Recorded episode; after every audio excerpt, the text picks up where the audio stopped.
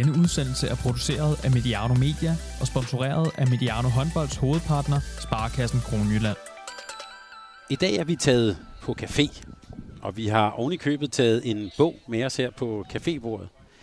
Det kunne lyde som starten på en dårlig parodi om franske intellektuelle i Paris eller noget lignende. Men vi sidder faktisk i Fredericia, øh, og vi sidder her på Café Mums. Øh, og med mig har jeg en spændende gæst, som jeg glæder mig til at tale med i dag. Det er Stine Bjerg Mortensen. Velkommen til Mediano Håndbold. Tak for det. Øh, selvom vi sidder med en bog og er på café her, så øh, vil jeg sige til lytterne bare roligt, det skal stadig handle om håndbold, og, og der er ellers og dejlig solskinsvær. Det skal handle om fascinationen og glæden ved den sport, som vi lige nu savner rigtig, rigtig meget. Øh, så tak fordi vi måtte komme forbi, og tak fordi vi måtte komme her til Fredericia. Jamen selv tak. Det er bare hyggeligt. Øh, jeg er sikker på, at langt de fleste af lytterne vil, vil kende dig, Stine, men øh, hvis der er nogen, der ikke skulle, så er du jo primært jo kendt fra øh, TV2 og som vært og interviewer. Og, hvor mange år har det egentlig været på, på TV2? Puh, det er et tungt spørgsmål at lægge ud Øh, jeg startede i 2004 med at øh, hjælpe lidt til som øh, runner, hed det dengang, under øh, sommer-OL. Øh, og fik mig så tilsusket et øh, studiejob, hvor jeg skulle lave lidt kaffe og sørge for vand til værterne og sådan noget efter det. Øhm, og i 2007 var jeg så så heldig at starte som praktikant på sporten. Og der var jeg i halvandet år. Og øh, ja, var heldig også at fortsætte efterfølgende. Og så har jeg faktisk, øh, jeg har faktisk ikke sluppet det siden. Så det er ved at være rigtig mange år, øh, jeg har været på TV2. Og før jeg lige trykkede på optagningen der talte vi lidt om Fredericia og håndbold. Du kommer jo fra en, det man godt kan sige, en rigtig håndboldfamilie. Så det der med at arbejde med håndbold, tænker jeg på, ikke er det værste, der er sket i, i dit liv. Nej, altså øh, jeg har jo været i en håndboldhal, siden jeg var helt lille. Øh, min mor slæbte mig med som, øh, som spæd. Min mor og far spillede begge håndbold og mødte hinanden, fordi min far trænede min mor. Øh, min far har spillet også øh, i 70'erne ude på, øh, på Fredericias øh, hold, som, som mange måske kender, hvis man interesserer sig lidt for øh, håndboldhistorik. Og på den måde har, øh, har jeg været i Fredericia Idrætscenter næsten hele mit liv, indtil jeg så flyttede øh, væk fra byen for øh, at studere osv. Så, videre. så øh, ja, at arbejde med håndbold, som jeg selv er opfostret med, det er, det er fedt. Og det er noget af det, vi skal tale om. Og jeg kan lige sige, øh, anledningen er jo, at du har været med til at skrive en bog, som hedder Min bedste kamp, og det er meget af det, vi skal tale om i, i dag. Men før vi lige kommer til den, øh, til bogen her, og den fascination, så kunne jeg, så kan jeg ikke undgå at spørge, hvordan er det egentlig at være tilbage i Danmark efter den her sådan coronatid? Det er faktisk lidt øh, følelsesladet, synes jeg. Øh, vi tog jo bilen og kørte herop øh, 19 timer ned fra Barcelona, og jeg vil sige, da vi kørte ind i Fredericia klokken 2 om natten øh, for en uges tid siden, der, der begyndte jeg faktisk lidt at græde. og det var jo fordi, at det var, altså sidst jeg var her, der skyndte jeg mig ud af landet. Det var ved at lukke, og jeg ville ned til Kasper, som jeg vidste sad nede i Barcelona, og som ikke kunne forlade Barcelona. Øhm, og så havde vi jo syv uger dernede, hvor vi, ja, i anførselstegn, var i, i fængsel, forstået mm. på den måde, at vi havde udgangsforbud. Øhm, vi havde heldigvis en lille terrasse, vi kunne bruge, men ellers så, så var vi jo indenfor. Vi måtte ikke gå ud. Byen var øde som en anden spøgelsesby. Øhm, vi måtte kun gå ud, hvis vi skulle til læge, eller jeg en gang imellem skulle prøve at gå ned og handle med, med maske og handsker på, men det tog flere timer at handle, fordi at man stod simpelthen i kø øh, ude foran øh, supermarkedet. De lukkede meget få mennesker ind. Så vi endte med at, øh, at bare bestille mad og ting udefra, så vi isolerede os meget i den lejlighed i syv uger. Så øh, det har været en mental opgave, vil jeg sige, men også meget, meget befriende og og først få lov til at komme ud dernede, og så komme hjem nu her og, og se sin familie og venner igen. Det har faktisk været meget rørende, synes jeg. Så for os i, i, i Danmark her, vi synes jo også selv, vi har været under en lockdown, men... Det har I ikke. Nej, det, var, det tænker jeg også. og selvfølgelig har I det, men, men der er bare noget i at blive begrænset af, i din bevægelsesfrihed. Det, er, det, det, det sætter gang i nogle ting i hovedet, synes jeg.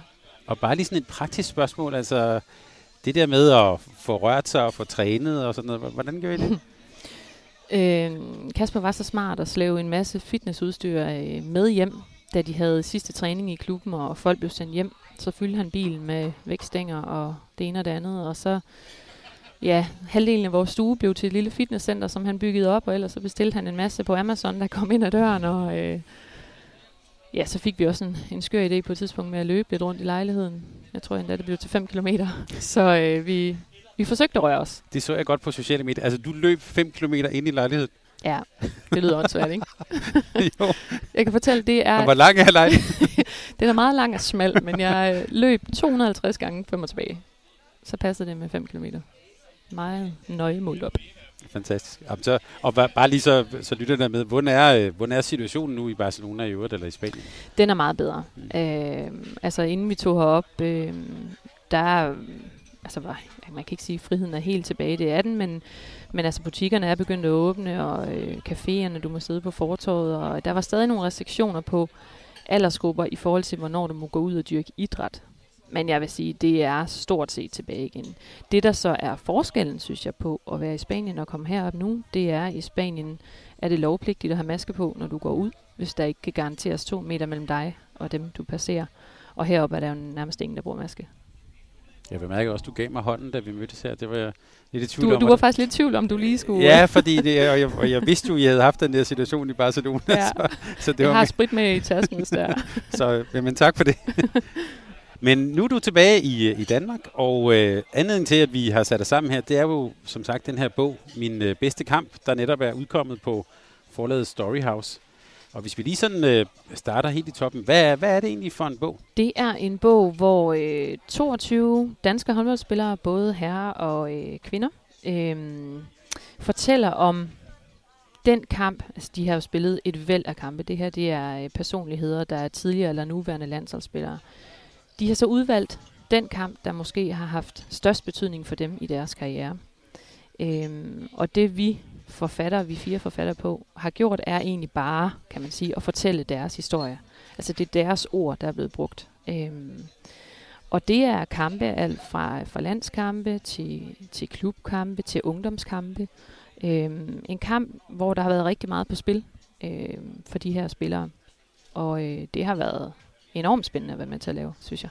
Jeg hæftede mig i hvert fald ved, den er fortalt sådan i jeg-form, så det er ligesom, ja. jeg har oplevet. Jeg, men, men har du, du har været rundt og det, det har mest været kvinderne, forstået, at du har, har talt med? Jeg har ja. talt med de 10 kvinder, der er med, ja. ja. Øhm, og det har jo været, man kan sige meget også her i coronatiden over telefon eller, øh, eller Skype.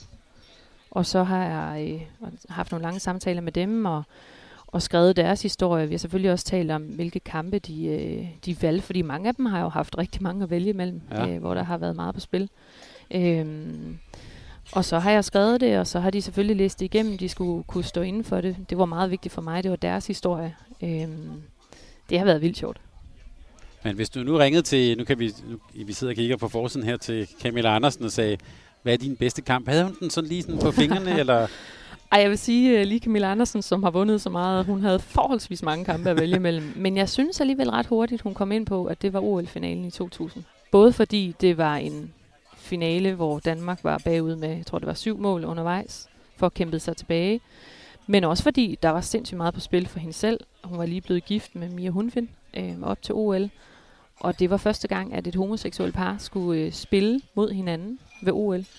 Øh, åbningskampen mellem Norge og Danmark. Og der var enormt meget presse og medieomtale. Øh, så der skete faktisk det, at Jan Pytlik, som var landstræner på det tidspunkt, sagde, Camilla, du skal ikke med til flere pressemøder nu, fordi det, det skal handle om håndbold, og de spørger hele tiden til dig og Mia. Øhm, så for hende var det også, og det kan man læse i bogen, altså hun skulle have styr på alt det her på styr og ret fokus ind på håndbolden. Øhm, det påvirkede hende i åbningskampen mod Mia Hundvind og Norge, men så formåede hun så at rejse sig i løbet af turneringen. Det er jo, synes jeg jo er sjovt, fordi hvis, du, hvis man lige slår Camilla Andersen op, så har hun jo for eksempel en scoringsrekord, der måske aldrig bliver slået 22 mål i en ligakamp og sådan. Det, så det var ikke det, hun tænker på, når hun siger, øh, min bedste kamp. Nej, og, og det synes jeg faktisk lidt er kendetegnende for en del af de spillere her. De kunne have valgt øh, kampe, hvor de har scoret, ja.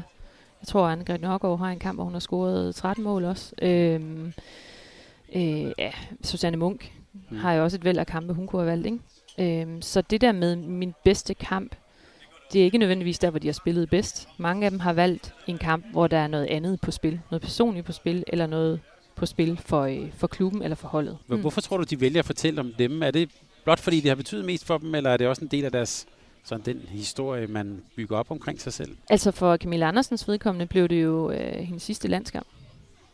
Også fordi, og det fortæller hun også i bogen, at hun, Jan Pytlik ringede og spurgte, der er en, en slutrunde lige om lidt. Øh, er du klar, eller er du ikke klar? Og for det første, så øh, var hun, jeg tror hun var 26 år på det tidspunkt, 27 år, og hun havde vundet så meget. Og for det andet, så magtede hun ikke det med, med Mia Hundvind mere, og hun vidste, at de kom til at møde Norge igen. Norge var også dominerende på det tidspunkt.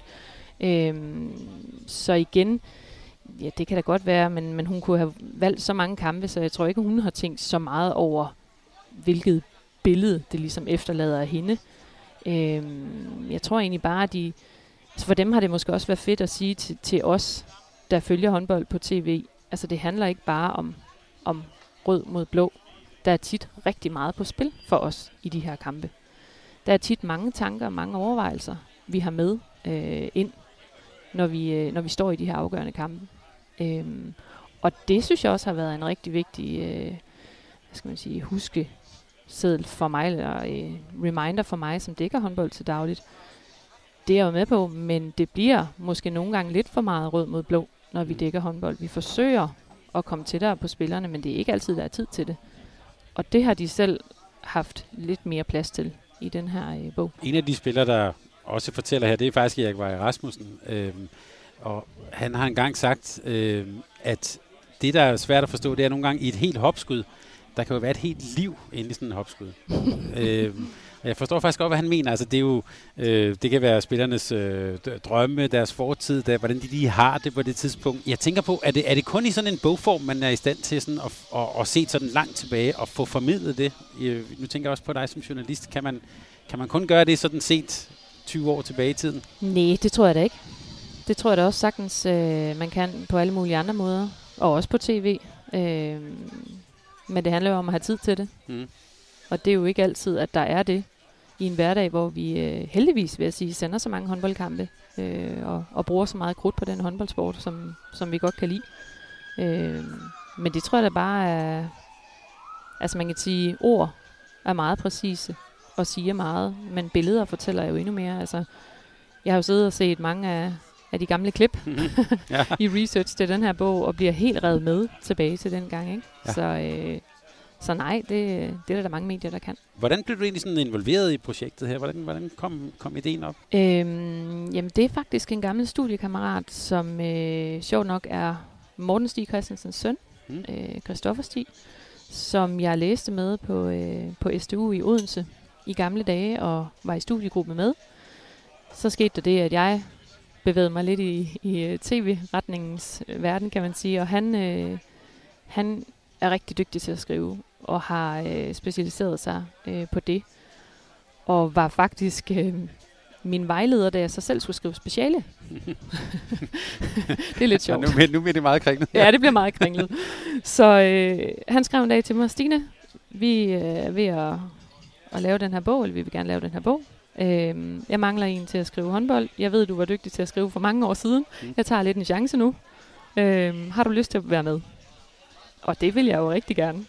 Men, øh, men jeg vil sige, da jeg sendte ham det første kapitel, der skrev han også, Åh, oh, jeg lettede. Øh, jeg tog en chance. Heldigvis, så er det stadig noget, du nogenlunde kan finde ud af. Så øh, han har været redaktør på bogen, og, øh, og har sparet med mig undervejs, og det har været enormt lærerigt. Og du havde så haft fat på, man kan sige, på, på, på kvinderne her. Er der, når du læser bogen igennem nu, er der egentlig forskel på, hvordan øh, man kan sige, herre- eller mandehistorien er her, og hvordan kvindehistorien er? Det er et svært spørgsmål, synes jeg. Jamen, det er godt. Synes du? Nej, jeg synes dog, at der er, der er et par kvindehistorier, der, der stikker lidt ud. Der, for eksempel her var der den her med Christina Roslyng, som faktisk minder lidt om hendes ægtemand, Lars Christians historie, mm-hmm. men som handler rigtig meget om det her med, øh, man kan sige, øh, om den tillid og den plads, hun havde på holdet. Det, det, det kan jeg bare sige til lytterne her. Det er en fantastisk god historie. Jamen, det var faktisk også en af dem, som jeg selv blev ramt lidt af, også måske fordi jeg selv kunne ikke genkende til, at vi alle sammen kan blive usikre i livet. Øh, især når vi skal præstere. Og, øh, og det hun fortæller om, det er en, øh, en kamp, hvor hun faktisk en Champions League semifinale på udebane i, øh, på Balkan. Og hun øh, har Ulrik Wilbæk som træner, og de er afsted med Viborg. Hun er jo normal fløjspiller. Men de har simpelthen så mange skader, at hun bliver sat ind og spiller playmaker. Og hun kæmper rigtig meget med usikkerhed generelt, fortæller hun også om øh, i bogen. Især når hun er med landsholdet, så har hun rigtig svært ved at præstere, fordi snoren er meget kort. Konkurrencen er hård, især med Line Daggaard på det tidspunkt. Og Jan Pytlik kan ikke give hende den tillid, som hun har brug for for at præstere. Men den får hun til gengæld hjemme i klubben. Og det vil sige, at i den her meget, meget vigtige øh, Champions League semifinale, der får hun at vide, det er dig, der skal ind og styre lortet nu. Undskyld med sprog. Mm. Og det gør hun. Og spiller en super god kamp. Og øh, tager ansvar ned i omklædningsrummet i pausen, hvor tingene brænder på. Øh, og vokser under den her tillid fra Ulrik Vilbæk. Og det er jo egentlig enormt interessant, når man tænker på, at hun efterfølgende er blevet ansat omkring det danske kvindelandshold. Måske også til at arbejde mentalt med mange af de her spillere. Og jeg tænker bare, altså jeg kunne i hvert fald identificere mig selv med det der med, jamen, vi har alle sammen brug for, for tillid. Vi har alle sammen brug for at vide, jamen, jeg tror på dig for at præstere. Og det tror jeg faktisk lidt af, altså ikke kun måske i sportens verden, men jeg tror, der er mange, der går med de her tanker, ikke kun som håndboldspiller måske, men, men der kan tvivle på sig selv. Og det er jo enormt vigtigt, når du skal præstere i den kulisse, hvor vi mediefolk står udenfor med alverdens øh, projektører og spørgsmål, øh, og tro på dig selv. Så den ramte mig lidt, den historie, synes jeg. Øh, og jeg tror måske, der er mange, der vil kunne nikke genkendende, når de læser den. Bogen, vi sidder med her, hedder jo Min bedste kamp. Så det er jo oplagt at spørge, hvad vil det egentlig sige, det her min bedste kamp? Jamen, det er jo et eller andet sted til, til fri fortolkning. Øhm, det kan være en kamp, øh, hvor vedkommende har spillet rigtig godt og været afgørende. Det kan være en kamp uden for banen, hvor vedkommende har kæmpet sig tilbage fra en skade, og derfor betyder kampen på banen så særligt meget. Lad os tage Anne Mette Hansen. Jeg ved ikke, har vi tid til at lige springe ind i et eksempel her? Endelig. Ja. Endelig. ja. Anne Mette Hansen har øh, for eksempel øh, valgt sit første år i Gør. Hun skiftede til Ungarn. Øh, kommer til sin drømmeklub. Bliver knæskadet. Går glip af en slutrunde. Kæmper sig tilbage på holdkortet. Og lige det, hun er kommet tilbage, bliver hun så kaldt ind på chefens kontor og får at vide, vi vil gerne lege dig ud. Vi, vi har ikke plads til dig på holdkortet. Alligevel formår hun at tænke, det skal være løgn. Altså, jeg, øh, jeg skal spille, jeg skal nok vise jer, at jeg, jeg er god nok. Og fortæller i bogen om, hvordan hun, hun kæmper sig tilbage på banen. Der kommer så også lidt skader på holdet, men hun slutter sit første år i Ungarn af med at blive Champions League-mester, Ungarsmester og Ungars pokalmester. Så for hende var, hvad kan man sige, min bedste kamp ligesom punktummet på den første sæson øh, i Ungarn. Så jeg synes, der er lidt forskellige betydninger af, af titlen. Og hvis vi lige bliver ved det eksempel, hvad, hvad fortæller det om Anne Mette Hansen, tror du? Øh, jamen, for mig fortæller det, og det synes jeg egentlig, det indtryk havde jeg allerede af hende, når jeg ser hende spille håndbold. Øh, hun er en type, der bare knokler på. Mm. Hun arbejder benhårdt. Øh, der er ikke nogen, der skal fortælle hende, at det her kan du ikke finde ud af. Hun kan godt lide at tage ansvar, hun kan godt lide at gå forrest. Øh, hun kan godt lide at være med blandt øh, de store navne, det siger hun også i bogen. Jamen, jeg følte, der kom lille Anne Hansen fra Hedehusene ned til alle verdensstjernerne og spille i Gøring. Men det lå hun sig ikke dupere af. Øh, hun, øh, hun vil gerne vise dem, hun godt kunne være med. Så hun har en mentalitet, der gør, at hun kan begå sig øh, i sådan en klub der. Øh, men det synes jeg nu allerede, det indtryk lidt, jeg havde af hende i, i forvejen, når jeg dækker hende til dagligt i, i håndboldens verden. Ja, apropos lidt det, vi var inde på lidt tidligere. Jeg, jeg tænker også, når du fortæller historien her, det er jo nok heller ikke helt tilfældigt, hun vælger at fortælle den historie, for den, den passer vel også meget godt til det billede, vi har, eller sådan som vi har lært hende at kende. Ja, det har du nok meget, øh, meget ret i. Altså, hun er jo heller ikke bange for, når vi ser hende med kvindelandsholdet, at, at sige, det er noget lort, hvis de har tabt. Altså at være ærlig omkring det, og så sige, så må vi øh, stramme ballerne og gøre det bedre næste gang. Hun tager gerne ansvaret på sig, også i de afgørende situationer. Det, ja, det er vi jo vant til at se. Når vi er ved Anne Hansen, så, så kom der lige et billede op i hovedet for mig, som var faktisk dig og hende, der stod over for hinanden i Japan her under, under, under VM, hvor hun jo var sådan tydeligt berørt af, at det ikke gik, som, som mange af os havde håbet. Hvordan, hvordan var hun i sådan en situation? Jeg synes faktisk, øh, jeg synes faktisk til den her slutrunde i Japan, at, at kvindelandsholdet generelt, altså Sandra Toft er jo også med i bogen, og også et eksempel på det, var ekstremt, øh, hvordan skal man sige, de gav enormt meget af sig selv. Altså de fortalte åbent omkring de følelser, de nu havde, og det var jo virkelig en slutrunde med mange følelser. Ikke? Der var OL på spil. Claus Brun har været ude og sige, det kan være, at jeg går, hvis vi ikke kommer videre. Det har været et år, eller det har været et kvindelandshold, der er bygget op igennem 4-5 år, ikke? og nu skulle de ligesom præstere. Ikke? Der var så meget på spil. Og jeg synes, øh, som journalist var det enormt fedt at se, hvordan de, øh, de var ærlige omkring det. Men det var også rigtig, rigtig svært at stå, efter de havde kikset OL, øh, og skulle interviewe dem. Øh, og på en eller anden måde vide, det der nu var åbenlyst for seerne, de var jo knust over ikke at komme til OL. Øh, men alligevel skulle forsøge at, at få dem til at sætte nogle ord på det. Øh, men der, der synes jeg altid, at Anne Mette Hansen har, øh, har været meget ærlig og ikke været bange for at sige, kalde en skål for en skål og sige, når de har spillet helvede til. Og også sige, når hun selv har spillet helvede til. Der var jo en, en kamp, hvor hun siger, at jeg spiller jo... Altså, fanden kan jeg spille så dårligt, mand? Jeg kan ikke huske, hvordan hun formulerede det. Men, men hun... Ja, hun tager gerne ansvaret på sig. Og det kan man sige, det gjorde hun jo sådan set også i den, i den afgørende kamp. Der rammer hun så bare overlægger den, men det er jo en spiller, der, der tør at tage noget ansvar. Vi har her på Mediano håndbold jo lavet nogle gange lidt, gjort os lidt lystige over det der begreb at give noget af sig selv. Øhm, mm. Vi talte også for nylig om det med Lotte Grigel her. Hvad, hvad tænker du om det der begreb, give noget af sig selv? Gør de ikke det? Jo, det synes jeg da, de gør. I den grad. Mm. Og det er også det, jeg sagde, det gjorde de i den grad ved den her slutrunde. Ja. Jamen, det er jo et mærkeligt begreb, ikke? Fordi et eller andet sted handler det måske om at bare være sig selv. Øh, og, og det er lidt ud af det, man har, har på hjerte, og, og ture måske også nogle gange at mene noget, men at, at ture fortælle, hvordan man har det. Men, men samtidig er jeg jo også bevidst om, at mange af de her spillere, de passer jo også lidt på sig selv. Og det vil jeg nok også selv gøre, mm. øh, når man står der. Og man vil jo gerne sige de rigtige ord. Og, og nogle af dem tænker måske også lidt om, jamen, hvordan bliver det her opfanget, og hvilke vinkler kommer der ud af det her. Ikke? Så det er da et lidt mærkeligt begreb, det har du da ret i. Men i bund og grund, når folk sidder og ser håndbold derhjemme, så vil de gerne have nogen at holde med og holde af. Og de vil gerne lære øh, spillerne at kende. Og det er nok det, jeg forbinder med at give noget af sig selv. Det er at sige, jamen, jeg er sådan her. Mm. Ikke? Så har folk nogen at, at kan forholde sig til.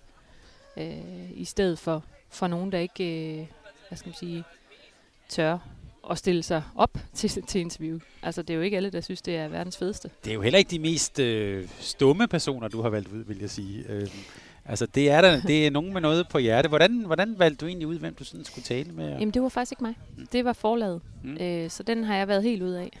Men jeg tror da, at, at forlaget har tænkt, jamen, det er jo også en form for øh, håndboldhistorie, den her bog, så vi skal have nogen med fra tilbage ja, man kan sige, på herresiden er vi tilbage i 70'erne frem, ikke med Måns Stig, og hos kvinderne er, er vi tilbage i 94 med Susanne Munk og, og de jernhårde ladies, og frem til i dag. Så man ligesom både kan sammenligne øh, håndboldhistorikken i historierne, hvordan forholdene var, hvordan tankerne var, hvordan kampene var. Øh, og samtidig har de da sikkert også tænkt, at vi vil gerne have nogen, der, der tør at sætte lidt ord på, på de tanker, de nu har. Ikke? Og det kan man da sige, at, øh, at mange af dem gør. Nu kigger jeg også lige på coveret og tænker, Rikke Hørlykke. mm. altså, øh, hun, øh, hun, hun kaldte en, en spade for en spade, og det var der nogen, der kunne lide, og nogen, der ikke kunne lide. Og øh, det fik hun så at mærke, da hun skulle øh, over og spille en, øh, en omkamp i en DM-semifinale øh, over i IKAST. Ja, den, nu, nu skal vi ikke give hele bogen Nej. væk, men, men, men ja, vi kan bare sige, at det jeg læste bogen, det var en af de historier, jeg synes, den var, det var, der var både noget kød, men den var også sjov, ja, synes jeg. Ja. Øhm, så kan du bare lige kort bare lige give en, en lille teaser til, til lytterne her. Hvad, hvad, hvad, hvad, hvad var sådan øh, baggrunden for den kamp, og hvad er det, hun fortæller om der? Jamen, baggrunden var, at, øh, at FIF og øh, IKAST på det tidspunkt havde spillet øh, en, øh, en tredje semifinale, som IKAST egentlig havde vundet. Men der var bare sket det, at øh, der var blevet lagt en uh, time-out i den forlængede spilletid, som FIF efterfølgende nedlagde protest over. Den protest vandt de så, så de fik en omkamp øh, om at komme i DM-finalen. Og de skulle så til IKAST og spille den her omkamp. Og ifølge Rikke Hørle i den her bog, så stod der jo altså øh, en hårde af mennesker og tog imod bussen, da de ankom, og råbte de grimmeste ting. De kaldte hende blandt andet øh, luder. Nu siger jeg det bare ordret som det er. Øh, da de kom ind i omklædningsrummet, lå der et kampprogram, der ligesom var udformet som et begravelsesprogram med et kors på. Så de følte, de var mødt op til deres egen begravelse. Øh, ja, og så, så skete der en masse ting under kampen også, og, og efterfølgende, som hun, altså, hun blev egentlig bare tændt af det. Hun spillede en, en rigtig god kamp. Ja, og jeg tænker også et godt eksempel på, at den hvad kan man sige, ydre modstand, altså det tror jeg faktisk har været uklogt for hende, ikke? Det var, jo, altså, så, så, det skal man så ikke lige gøre ved hende. Nej, så spiller vi bedre. ja. ja. så skal de fandme øh, altså det er på den måde også en rigtig, rigtig god historie om noget motivation i sådan en helt særlig omstændighed. Ja. Øh, virkelig god historie. Var der noget, der sådan overraskede dig, da du sådan, øh, talte med spillerne og, og sådan skulle skrive historierne ned her? Hvad var der noget, der sådan, hvor du, som kom bag på dig, eller overraskede dig? Mm, jamen, der, der er selvfølgelig en, små detaljer undervejs, som overrasker mig. For eksempel fortalte øh, Andor Tanop om, hvordan hun spillede øh, på grund af en, øh, en knæskade på smertestillende i tre måneder op til VM-finalen i, i 97, fordi det var så vigtigt for hende at, at spille den finale, som så også blev hendes sidste landskamp. Ikke? Det er så ting, jeg holdt derop. Altså, det er godt nok voldsomt. Og hun tænkte ikke på det tidspunkt over konsekvenserne af det. Det har hun så kunne mærke senere i livet. Mm. Øhm, men, jeg, men jeg synes faktisk, øh, det er ikke sådan en overraskelse, men, men det mest interessante for mig øh, har været at komme lidt dybere ned i det, jeg også sagde i indledningen. Øh, de historier, de menneskelige historier, der jo selvfølgelig er i alle håndboldspillere, når de går ind til en håndboldkamp. De har måske et forskelligt drive. Øh, de bliver drevet af nogle forskellige ting. De bliver motiveret af nogle forskellige ting. De er også sårbare på forskellige måder. Angrid Nørgaard fortæller i bogen, hvordan hendes drive var, da hun spillede i, øh, i Holstebro, og der ikke var så mange, der troede på, at de kunne vinde noget. Det var fuck alle jer. Mm. Jeg er eksperter, ikke? Altså, vi skal nok vise jer, at selvom I siger, at vi er lidt for små, og vi kan ikke dække op, og nogen er lidt for tykke, og kan ikke løbe hjem og sådan noget, jamen så, øh, så skal vi nok vise jer. Så det, altså, det, er det er fedt at komme sådan lidt mere ind i hovederne på spillerne, og det tror jeg, at jeg i mit arbejde kan tage lidt med som en reminder og en, øh, en læring i den måde, jeg sådan dækker sporten på. At, jamen Stine, det er jo ikke altid bare... Selvfølgelig er det professionelt, selvfølgelig skal de præstere, de får en fin løn, alt det der. Men det er mennesker. Der er ting på spil i hovederne hver gang. Og det er måske en rigtig god pointe. Jeg tænker også, da jeg læste igennem, jeg synes ikke, der stod så meget om øh, øh, franske kryds, eller vi dækkede øh, den og den øh, på den og den måde, eller at det, det er ikke noget, der fylder så meget, og øh, måske er det heller ikke så vigtigt, som vi andre går der tror. Jamen, og det, og det sjove er jo, da jeg så bad dem genfortælle, jamen, det kunne de faktisk ikke altid huske. Altså, jeg kan huske, jeg spurgte uh, Susanne Munk, de spiller uh, en Europacup-finale i, i 94. Uh, jamen, hvordan stod det så selv? Det ved jeg sgu ikke. mm. det kan jeg overhovedet ikke huske. Jeg kan bare huske hele det år, hvor vi rejste rundt i Europa og fik alle de her vanvittige oplevelser sammen. Ikke? Altså, det er ikke det, der, uh, der tæller. Det taktiske altid. Jeg tror også, Andor Tanop siger det. Vi var et hold fuld af alfahunder. Mm. Vi var stjernerne hjemme i klubberne. Og vi var ikke veninder på landsholdet. Men det respekterede vi faktisk. Og, og fandt den fælles forståelse af, nej, det kan godt være, at vi ikke veninder, men vi vil vinde. Så jeg må have respekt for, at hende derovre, hun er anderledes end mig, men hun vil det samme som mig. Så det fandt de øh, en, en styrke i, og det synes jeg, der er flere af dem, der siger undervejs, de forskellige spillere, vi, vi var ikke veninder på vores hold, men vi fandt alligevel noget sammen. Du interviewede nogle, øh, nogle spillere over, ja, helt tilbage fra starten af 90'erne og frem til nu. Mærker du nogensinde en forskel på, på den måde, de fortæller om det at være på landsholdet, eller de oplevelser, de har haft? Altså, øh, jeg, jeg synes tydeligt, man kan mærke omkring de jernhårde ladies, den vinderkultur, der var. Øh, og jeg tror, det er Annette Hoffmann, der også siger det, jamen, det var bare så fedt at spille håndbold. Altså, vi så, vi så de norske kvinder, vi blev inspireret af de norske kvinder, så hvordan de jublede, så hvordan de havde passion med ind på banen, og tænkte, jamen det vil vi da også. Vi vil da også vise danskerne, at vi synes, det her det er fedt, og vi synes, det, det er fedt at kæmpe sammen. Øhm, så den der vinderkultur af, at der er ikke noget, der kan få os ned med nakken, altså det er jo, det er jo en helt anden historie i dag for kvinderlandsholdet. Ikke? De, er jo, altså de kæmper sig jo op, mm. og det er jo også sværere på en anden måde. Ikke? Så det er jo klart, at, at det er svært at have den samme udstråling. Øhm, jeg tror også, Camilla Andersen siger det øh, ifølge hende, hvor hun siger, at jamen, nogle gange får jeg lidt fornemmelsen af, at, at kvindelandsholdet i dag er bange for at brænde det afgørende skud, i stedet for at fokusere på, hvor fedt det kunne være at score det afgørende skud. Men det er jo også klart, det kommer an på, hvilken tid man er i. Mm. Det synes jeg er fascinerende, sådan rent det, det mentale i det. Hun, hun fortæller også om, hvordan hun som lille var med sin far ude i håndboldhallen og, øh, og så ham træne sit hold, og sad og, og så håndbold med ham, og var med på taktikmøderne og hørte ham fortælle, jamen, så skal vi spille sådan og sådan, og, og han, han gav hende på en eller anden måde en, en forståelse af, hvordan sætter jeg mine medspillere op? Hvordan forstår jeg det her spil? Hvad er det for nogle ting, jeg skal se i forhold til dem, jeg spiller over for? Øh, det synes jeg var sindssygt spændende at få den ind, altså med modermælken næsten, ikke? Mm. Men også få lejen med bolden med, og få glæden med, og det ikke skal blive en hemsko at være god, men du skal huske at nyde det hele tiden. Ja, det lagde jeg godt mærke til det citat fra Camilla i bogen. Nu, så vil jeg også sige, nu er hun måske også den mest irriterende spiller på den måde. At der har nok ikke været nogen, noget mere sådan, altså hvis begrebet naturtalent. Altså, jeg tror, hun fortæller også, at meget af det er jo kommet ret nemt til hende. Mm. I modsætning til Anne Mette Hansen, som mm. beskriver sig selv som den her pige fra Hedehusene, der har kæmpet sig frem. Ikke? Ja. Øhm, så det er måske også forskellige måder ind i spillet. Der har nok ikke været nogen, der har gjort det med den lethed, som Camilla også Nej, det gøre. tror jeg, du har ret i. Hun må have været virkelig irriterende i skolegården, når hun bare kunne det hele. Ja, og jeg, jeg, jeg har også hørt den der historie om et eller andet, var det U16 DM, hvor ligesom, så siger til sin søster, nå, skal vi vinde det her, og så gik de så ned og vandt, ikke? øhm, hvor mange andre, også dem du portrætterer, har, har jo, hvor det mere har været en kamp, Ja. øh, eller øh, altså det, at man skulle fight sig frem, Anne Grete Nørgaard kunne være et eksempel også. Øh, så det er nogle forskellige sådan, måder til det, ikke? Ja, og forskellige typer, og, og forskellige forhold også, altså alt efter, hvad for en tid du spillede i. Jeg synes også, det var sjovt, at øh, øh, Susanne Munk fortalte, da hun var skadet som, som ungdomsspiller, jamen hendes genoptræning hed, jeg pakker en madpakke, smider den på min cykel, og så cykler jeg bare Danmark rundt i hele sommerferien. Jeg tager en etape hver dag, og det, det er så det, jeg gør for at komme tilbage i form. Ikke? Og dengang var der måske ikke lige en, en sundhedsstab, der sådan på samme måde fortalte som i dag, jamen, når du genoptræner, er det vigtigt, at du laver de her øvelser, at du har is på, og du ved, der ligesom tog hånd om dig. Det klarer man lidt selv. Det, er- det er meget sjovt at se, hvordan det også, altså professionalismen omkring holdene ikke, har ændret sig. Jeg synes også, der er noget vildt sjovt, som, som du også er med til at fortælle i bogen her. At, kan det passe, den første landskamp, hun ser, det er den, hvor hun selv er med i? Ja. Øh, Det er altså, korrekt. Hun gik ikke så meget op i, hvem der var stjerner inden, Nej. og hvad? Nej. Nej, og så pludselig, så, så, ja, så den første, det er, det, det er der, hvor jeg selv er der. Ja. Øhm, så den, den der meget, øhm, altså, der er jo, jeg, jeg tænker det også, fordi der er jo meget debat om det her med, at, at øh, børn og unge flytter til store klubber allerede, når de er 12 år og 10 år, og i fodbold er det måske endnu værre.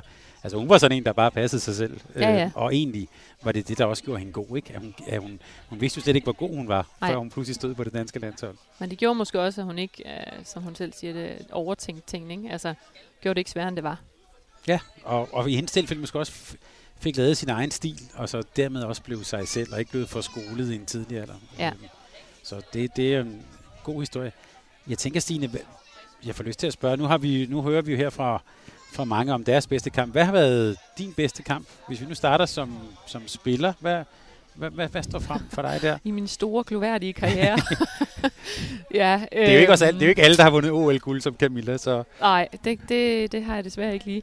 Øh, altså, jeg har jo øh, jeg har brugt rigtig mange år herude i Fredericia og spille på henholdsvis første og anden division. Vi var lidt sådan et hold, der rykkede op og ned.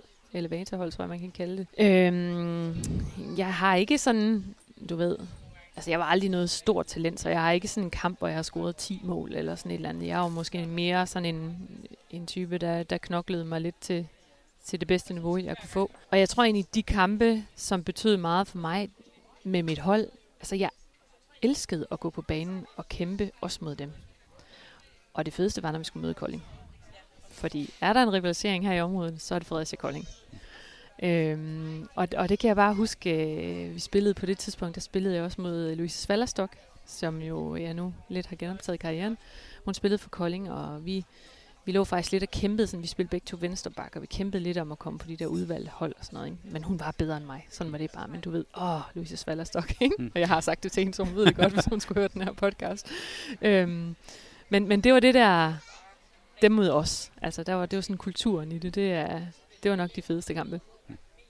Så det er også det er ikke så meget, du til, for dig er det heller ikke det der 10 mål, det er mere Nej, intensiteten det, det kan jeg så heller ikke lige finde og- nogen kamp, jeg har scoret. Ah, det kunne være en eller anden græskamp, når man var 12 år eller sådan noget. ja, der. det er selvfølgelig ja. rigtigt. Men så, så man husker den der intensitet, og det der med også at skulle gøre sig umage og kæmpe. Og, Præcis. ja. Jeg kan faktisk, hvis jeg skal tage en kamp, vi, når vi så var i første division, så var vi jo nede i bunden, så vi skulle altid op mod de lidt større hold. Jeg kan faktisk huske, vi spillede nede i Nykøbing på et tidspunkt, Nykøbing Falster. Øhm, og de var så et tophold. Og vi fik så mange høvl, og vi tabte med 11. Øhm, og de lavede et stort show ud af det, som de nu gjorde, ikke? og det var faktisk sådan lidt, uh, at komme ind der på banen, og der var mange tilskuere og sådan noget. Men da vi så mødte dem hjemme i Fredericia, så spillede vi uafgjort. Det var en kæmpe sejr for bundholdet Fredericia. Ja. Ja, kan du nok høre. Ja, ja men, det, men det svarer også meget godt til det, vi hører. Altså kampen, og det er det, det, det, det, det, der er motivationen. Ja. Hvad så, hvis jeg spørger til din bedste kamp, sådan som, som, øh, som tilskuer? Noget, du har oplevet på, på sidelinjen. Hvad, hvad vil du så trække frem? Ja. ja. Må jeg tage to? Ja, endelig. Ja. Vi har jo masser af tid i podcast her, så... Ja. ja. Så vil jeg sige, øh, så vil jeg først starte i 2008, øh, hvor jeg var afsted som praktikant for første gang til øh, EM i herrehåndbold, og så Lars Christiansen score på det straffekast, der sendte Danmark i, øh, i finalen. Og se Danmark vinde det EM-guld også, hvis vi tager finalen med. Det var med en stor oplevelse. Også fordi det jo var første gang på herrelandsholdet, ikke? Og så kan jeg så spole frem til 2016, hvor jeg så herrelandsholdet vinde OL-guld i Rio i hallen. Og selvfølgelig, jeg krydder det med, at det var Kasper, min, øh, ja, på det tidspunkt kæreste, nu som mand, som var med til at, at vinde. Ikke? Det, hold nu op, det var en vild oplevelse altså. Også når man har fulgt det landshold i så mange år, og så se dem få succes. Det, er, det gør indtryk, og det samme gælder kvinderne. De, øh, de vandt en bronzemedalje i, i 13, og det var også rørende at opleve, fordi man ved, hvor meget de knokler for det. Men jeg synes, de to kampe der, det var sådan på hver sin måde en, en, en rigtig stor oplevelse. Hvor, hvor var du helt sådan fysisk der, da Lars Christiansen skulle skyde det straffekast? Jeg stod nede i hjørnet nede ved vores studie, og jeg kan huske, da han så scorer, så løber han jo ned i modsat hjørne. Ja, Altså, det kunne være fedt, hvis han var løbet over i vores hjørne.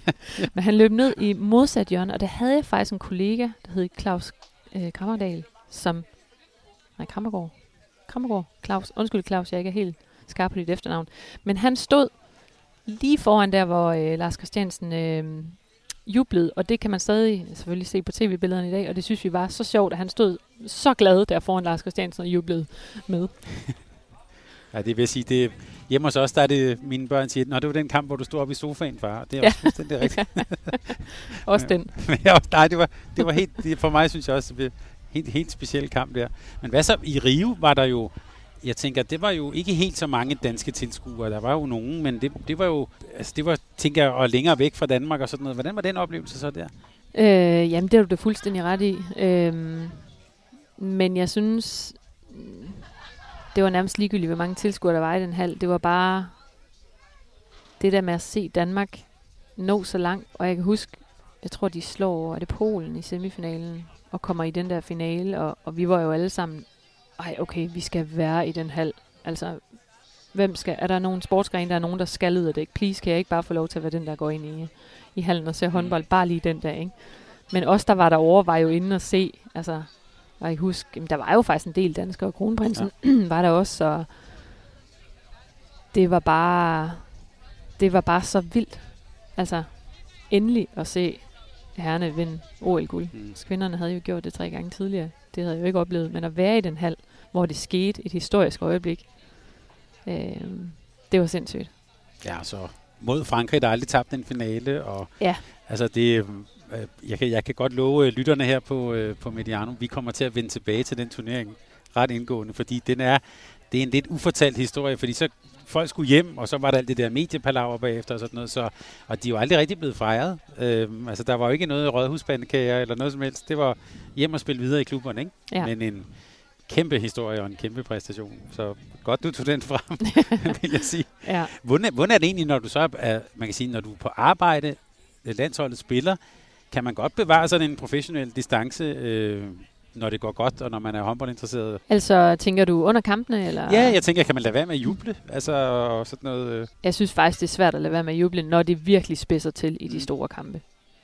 Altså, for i bund og grund håber vi jo alle sammen, selvom vi nogle gange er nogle irriterende journalister, som stiller åndssvage spørgsmål, eller altså, ja, er, hvad skal man sige, er måske en irriterende faktor for, for nogle spillere i perioder, så i bund og grund er vi jo også mennesker, der, der håber, det går dem godt. Øhm, og selvfølgelig, vi er der jo også for at sælge produkter, så vi håber jo også, produktet lever, men, men, øh, men ja, altså, jeg synes, vi er, er rimelig gode til at være professionelle, når vi interviewer dem, og når vi dækker dem og sådan noget. Men når vi står og ser kampene, og der ikke er kamera på os, og det hele spidser til, så er det del med svært ikke at juble. Hvordan, når nu har du både den der håndboldfascination, og det er også dit arbejde. Mm.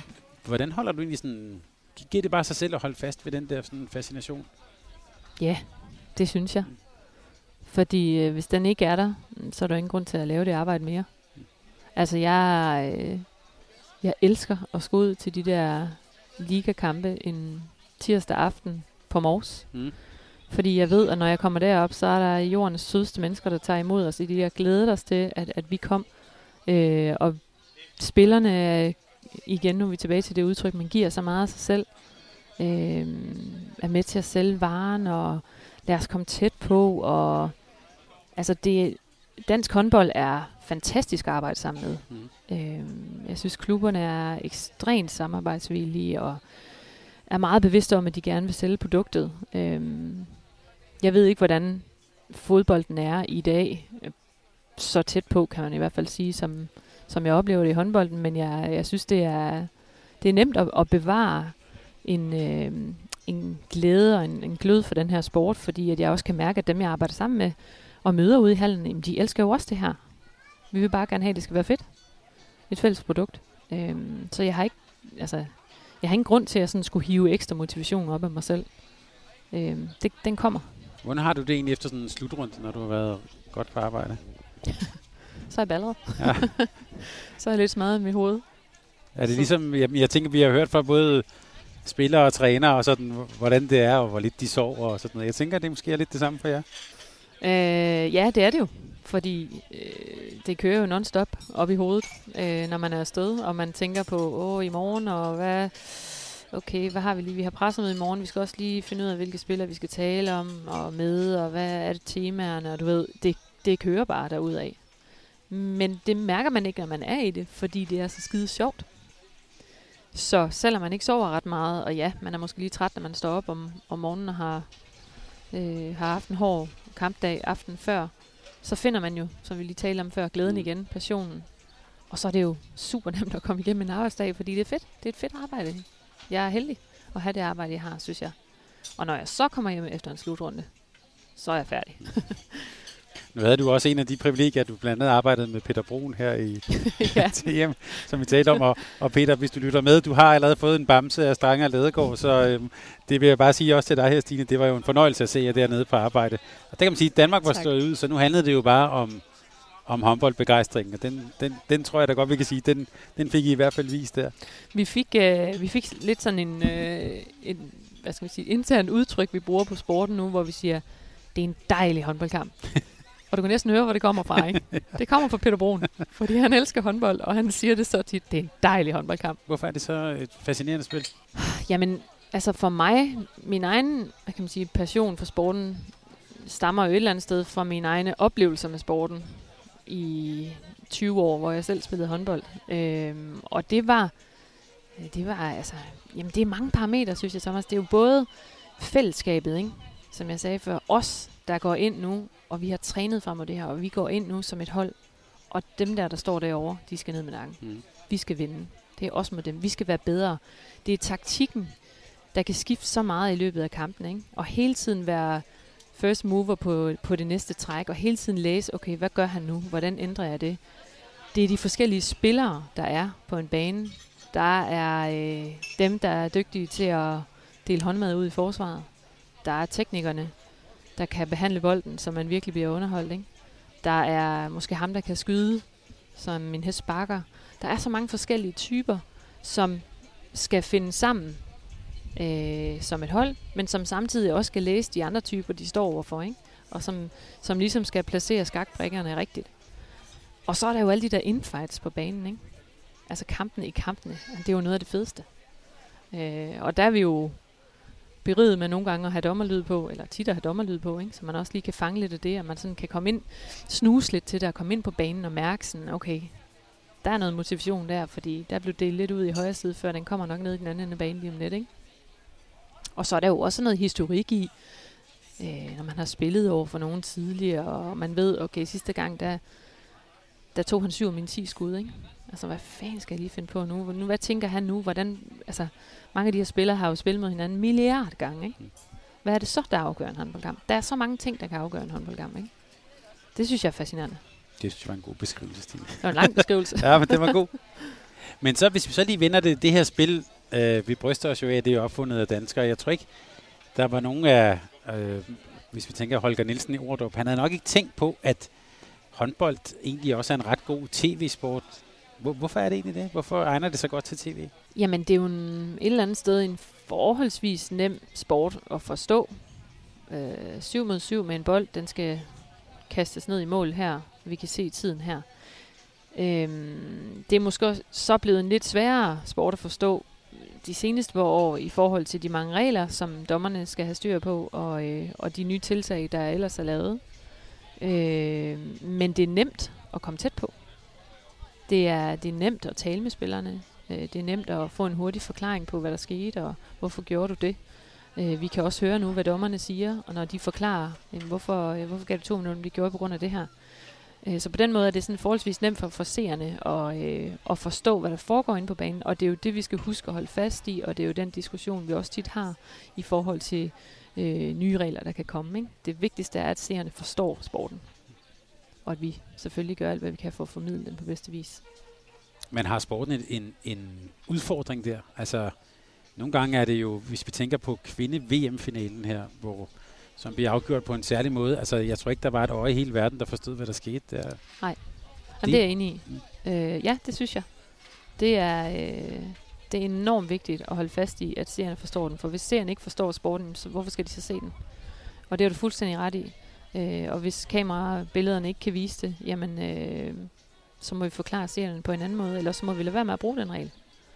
Øh, så det, det synes jeg faktisk øh, er en rigtig god pointe.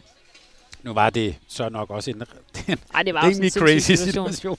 Ja. Øhm, men, øh, og, og det vil nok heller ikke ske igen. Men, men der er jo mange regler og undtagelser og alt sådan noget der, som, som jo også kræver en masse eksperter og, og folk, der skal kunne tolke på, hvad er det egentlig, der foregår nede på banen. Ja, prøv at det har også været svært for os nogle gange, ikke? Altså, øh, og Okay, video proof. Øh, hvor mange regler havde vi lige her? Okay, så kom der challenge. Øh, vi skal lige huske, hvornår er det, de kan tage challenge. Og selv dommerne var jo også nødt til at en gang imellem at tage deres kort op og kigge ned. Jamen, kan jeg bruge challenge? Eller øh, dommerne selvfølgelig.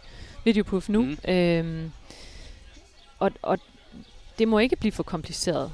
Øh, og, og vi har sådan forsøgt på TV2, sådan, når sæsonen starter også, at at tage dommerkort faktisk, og, øh, mm. og få dommerne ud til at forklare os, okay, hvordan er reglerne i år, og, og hvad er det, vi skal huske på, og sådan noget, fordi det er jo vores fornemmeste opgave at forklare den her sport til seerne. Øhm, og hvis vi ikke kan det, så har vi jo også fejlet. Og det, det har vi også været udfordret i nogle gange. Det må vi være ærlige at sige. Men er det god tv, hvis der er hvad kan man sige, mange mål, mange sådan øh, flotte aktioner, eller hvad, hvad er egentlig en god tv-kamp, hvis vi bare glemmer alt om de røde og de blå mod hinanden og sådan noget? Hvornår er det godt rent tv-mæssigt? Det er jo måske, det er jo lidt individuelt, men for mig er det en tæt kamp. Mm. altså jeg er fuldstændig ligeglad med, hvem der vinder. En, øh, en tæt kamp eller en, en taktisk spændende kamp, øh, hvor trænerne virkelig udfordrer hinanden. Øh, en kamp, hvor der er en fyldt hal, hvor man kan mærke engagementet hjemme i stuerne. Der er ikke noget værre end at komme ud i en helt tom hal og lave en, øh, en håndboldkamp. Vi prøvede det jo selv et par gange her, inden coronaen lukkede helt ned. Og jeg kan bare sige, at stå op i Gigantium, der var helt tom, det var sæt med underligt. Så det er også vigtigt for, øh, for tv-produktet, at der er tilskuere. Øhm, og så er det selvfølgelig også vigtigt, et eller andet, at der er et eller andet niveau i kampen. Altså, vi har jo også set mange kampe med ekstremt mange tekniske fejl. Det er altså bare ikke en håndboldkamp, ikke for mig i hvert fald. Øhm, så ja, der er lidt forskellige parametre at vælge ud fra. Bare lige for at blive ved den der gigantium-oplevelse, du havde der. Det er vel ikke helt usandsynligt, at vi kan se i hvert fald varianter af det, når vi kommer i gang på et eller andet tidspunkt. Hvad, hvad, hvad, hvad, gjorde I der for trods alt at gøre det godt for seerne derhjemme? Hmm. Ja, hvad gjorde vi? Selvfølgelig, jeg tror det første vi gjorde var selvfølgelig at i talesæt, hvor mærkeligt det var. Jeg var også i Aarhus, jeg var også i Silkeborg. Jeg tror, jeg nåede tre kampe for tomme øh, rækker selvfølgelig til, i talesæt, hvor, hvor mærkeligt det var, fordi det var mærkeligt, men så prøve at rette fokus ind på håndbolden, og lade det handle om kampen i stedet for. Men der synes jeg også bare, at man kunne, man kunne se det på kampene. Altså man kunne se, at det også var en mærkelig øh, oplevelse for spillerne, ikke? Øhm, og lige pludselig kunne vi jo høre alt, mm. hvad der foregik derinde, når bolden trillede hen af gulvet også bare, ikke? Øhm, men vi prøvede sådan at, at være faglige på kampen, vil jeg sige, ikke? Og selvfølgelig også behandle det, at spillerne rende rundt i den her gabende tomhal og spørge dem til det, men det må heller ikke få overvægt, fordi det er jo håndboldkamp, vi er der for. Mm. Og det var jo kampen med betydning. Øhm, så det var sgu en mærkelig, det var en mærkelig arbejdsopgave, synes jeg. Har du set nogle af de her fodboldkampe fra Bundesligaen? Med, ja. Ja hvad, hvad tænker du om det? Pro- set bare som, som spansk fodbold. Ja, og bare som produkt. Hvad, hvad er det for et tv-produkt? Ja, altså Jamen, det ved jeg ikke. Altså, jeg, jeg synes jo, de prøver, nu så har jeg set en, øh, del spansk fodbold også, de prøver jo ikke med lyden, altså de prøver at lægge lyd på, de prøver jo på tilskuerrækkerne at lægge en form for reklamebander, eller hvad det er, de ligesom kan flippe rundt, så der er, eller grafiske tilskuerrækker, de kan flippe rundt, så de, der ligesom er noget farve, ikke? Øhm, jamen, det er bare mærkeligt. Det er bedre end ingenting. Ja. Jeg synes, det er godt, de gør det. Det er fedt. Og det er hatten af for det. Altså, det giver da lidt liv, også med, med lyden. Øh, men det er bare underligt.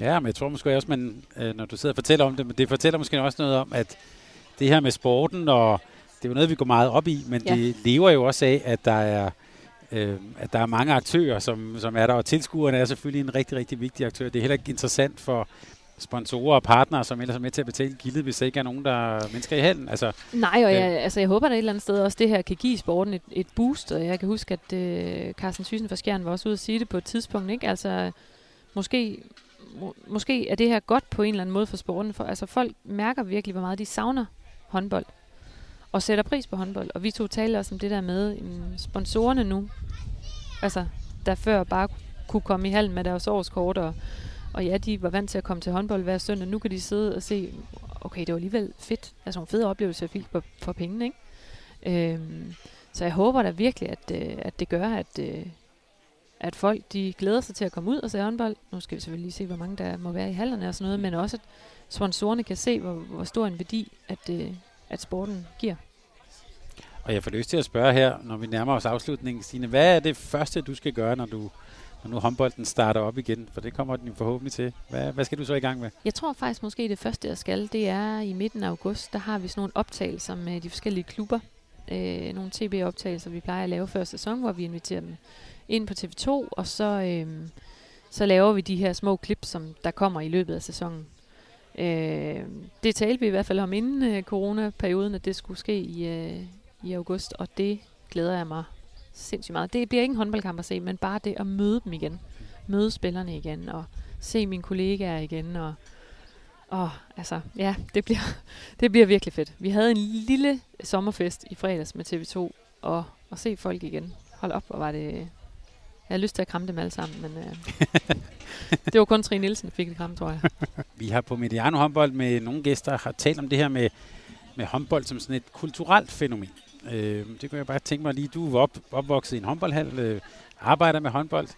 Øh, og det er jo, når vi, jeg tænker også i retning af seertallene og sådan noget, når Danmark spiller og store finaler, så er vi op mod de her 3 millioner seere. Øh, så meget populært, men der er jo også mange, der har et, øh, som gør rigtig meget ud af, at de ikke ser håndbold. Altså hvor, øh, som jeg Veje fortalte til, i vores podcast her, som sidder på TV2 News og siger, håndbold, nej, det er ikke noget for mig. Og så sagde han til hø bagefter, ikke? Ja. Hvordan ser du egentlig på håndbold sådan, som, hvad kan vi sige, det er sådan et kulturelt fænomen? Jamen altså, jeg kan jo bare... Altså, hvis jeg tager min egen lille andedam, så kommer jeg fra den her by, hvor vi sidder lige nu, øh, nede på havnen af, ikke? Og det er jo en, øh, en by med håndbold helt ind til knoglerne. Altså, øh, med en stor historik tilbage fra, fra 70'erne. Ja, du ved det selv også med, med din interesse for håndboldhistorik, ikke? Og, og den lever bare i den her by, og det gør den stadigvæk i dag. Og det er jo talk of the town. Det er jo fedt at følge med i håndbold, ikke? Det er jo fedt at kunne snakke om håndbold. Og nogen kender nogen. Øh, Jens Peter nede på hjørnet, hans søn, han spiller håndbold. Øh, så det er, jo, det er jo en måde at være sammen på. Øh, ja, så det der med, at man ikke... Ja, men det ved jeg sgu ikke. Altså, det der med, at man ikke ser håndbold, eller man synes, det er sjovt at sige, at man ikke ser håndbold, eller sådan noget. Altså, tænker du på, at det, det for nogen ikke er så fint at se håndbold? Ja, Og, Ja. og også hvis du kigger på, hvis du er på øh, sociale medier som Twitter eller sådan noget, ikke? Ja, ja. Altså, der kan, det, der kan meget hurtigt blive skabt den, der hedder... Det er sådan en hellig træenighed, der hedder Boksen, Volbeat øh, og et eller andet med pølser og fadøl og sådan Ja. noget. Øhm, altså, det er jo blevet sådan en øh, lavkultur, kan man diskutere, men det er jo no- noget, som folk, som der er faktisk er nogen, der sætter på en del krudt på og ser ned på. Jeg ved ikke, om du... Er det noget, du mærker i den, også den, det er sådan job, du har? Nej, det synes jeg ikke. Øh, jeg mærkede det, da jeg, øh, da jeg studerede øh, og læste på Syddansk Universitet, og sagde, at jeg, jeg gerne ville i praktik som sportsjournalist. Det var ikke øh, sådan helt øh, velanset. Altså, hvorfor vil du ikke på politikken? Nej, det vil jeg ikke. Altså, jeg vil gerne øh, ud og tale med sportsfolk. Øh, så, så der mærkede jeg det, men det synes jeg ikke, jeg gør i dag. Men, men altså, det sjove er jo så, at, at de folk, der gør grin med sporten, om det så er fodbold, eller håndbold, eller tennis, jamen, når Vosniaki spillede de store kampe, når herrelandsholdet stod i OL-finalen, når kvindelandsholdet, øh, ja, i, dengang det hed de Jernhård ladies også præsterede, jamen så så de jo med. Så man vil jo gerne være en del af de helt store ting, ikke? Men så kan det godt være, at man ikke har den passion i dagligdagen, som vi to har, der sidder her. Men øh, Ja, så der er, ikke, der er ikke mange kavlingpriser i, øh, i håndbold. det er der ikke. Øhm, I hvert fald ikke, hvis du spørger øh, min, øh, min uddanner ude på, øh, på SDU. Til gengæld så er der, som vi har hørt i den her samtale her, Stine, der er jo masser af kæmpe oplevelser og stor begejstring og glæde. Ja. Øhm, og det synes jeg, du har givet godt videre til os her. Øhm, og det er der også i bogen, Min Bedste Kamp. Og må jeg lige her til sidst sige, øh, det synes jeg faktisk er en vigtig pointe, at øh, overskuddet for den her bog går jo til øh, Jesper Nødsbos fond, som støtter børnehospicet Lukashuset.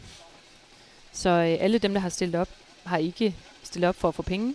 De har også stillet op for øh, at gerne støtte en god sag. Og så får jeg lyst til at sige, siger det noget særligt om håndbolden og håndboldspillerne? Måske.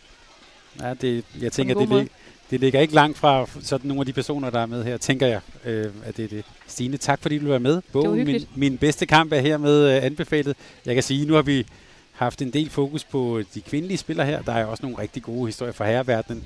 Jeg var meget glad for at høre Morten Stis historie om at blive yndlingemester med, med MK31. Læs den. Fantastisk historie også. Så tak fordi du ville være med her. Selv tak. Og tak fordi vi måtte komme til Fredericia. Det var en fornøjelse. Vi har siddet i solskinnet, og det har været super hyggeligt. Tak. Og du, du skal spise din mad, inden den bliver rigtig kold. Ja, men det, det er, når vi taler håndbold, så når man det ikke. det, det, det, tak, fordi, tak fordi du ville være med, Stine. Selv tak.